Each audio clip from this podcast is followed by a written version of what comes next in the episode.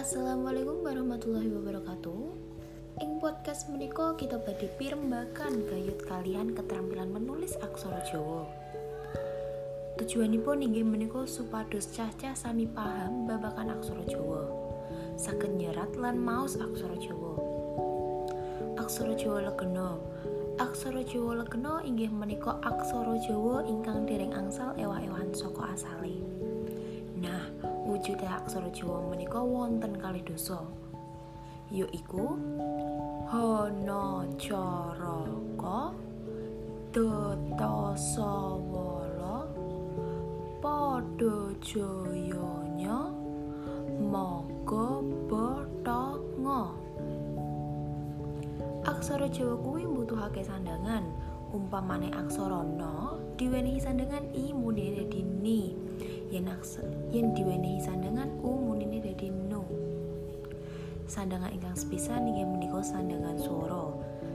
Sandangan swara kuwi kanggo muni swara vokal. Sandangan swara menika nggadhahi gangsal jenis.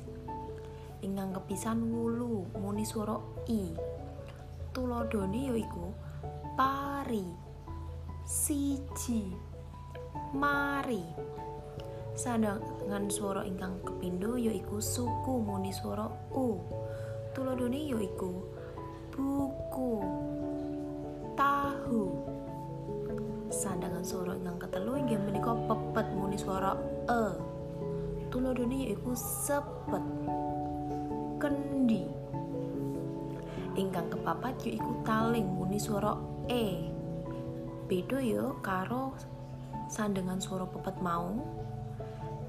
Tuladha saking sandangan swara taling iki yaiku lele, penak. Sandangan swara ingkang pungkasan inggih menika taling tarung muni swara o. Tuladhane yaiku kebo, roti. Sabanjure ana sandangan panyigek wanda. Apa to sandangan panyigek wanda kuwi?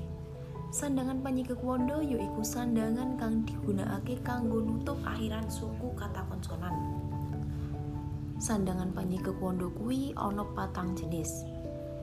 Sing pertama yaiku wignyan. Gunane kanggo panyigek utawa mateni h. Tuladhane yaiku gajah, uyah. Ingkang kepindho yaiku cecak. Gunane kanggo panyigek utawa mateni aksara eng. Tuladhane yaiku layang, bungkus.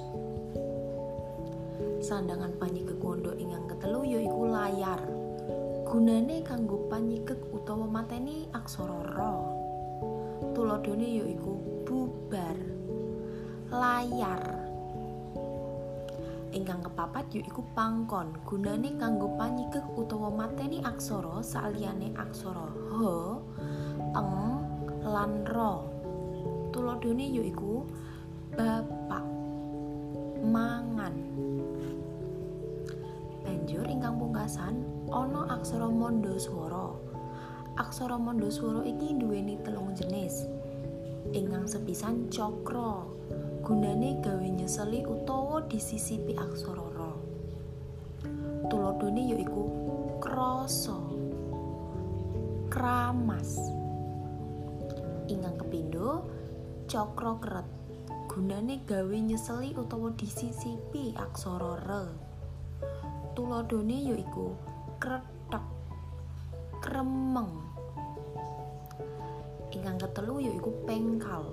Gunane gawe nyeseli utawa disisipi aksara ya. Tuladhane yaiku kiai, gebyar. Cekap semanten kita lajengaken wonten ing ing podcast salajengipun. Wassalamualaikum warahmatullahi wabarakatuh. Matur nuwun.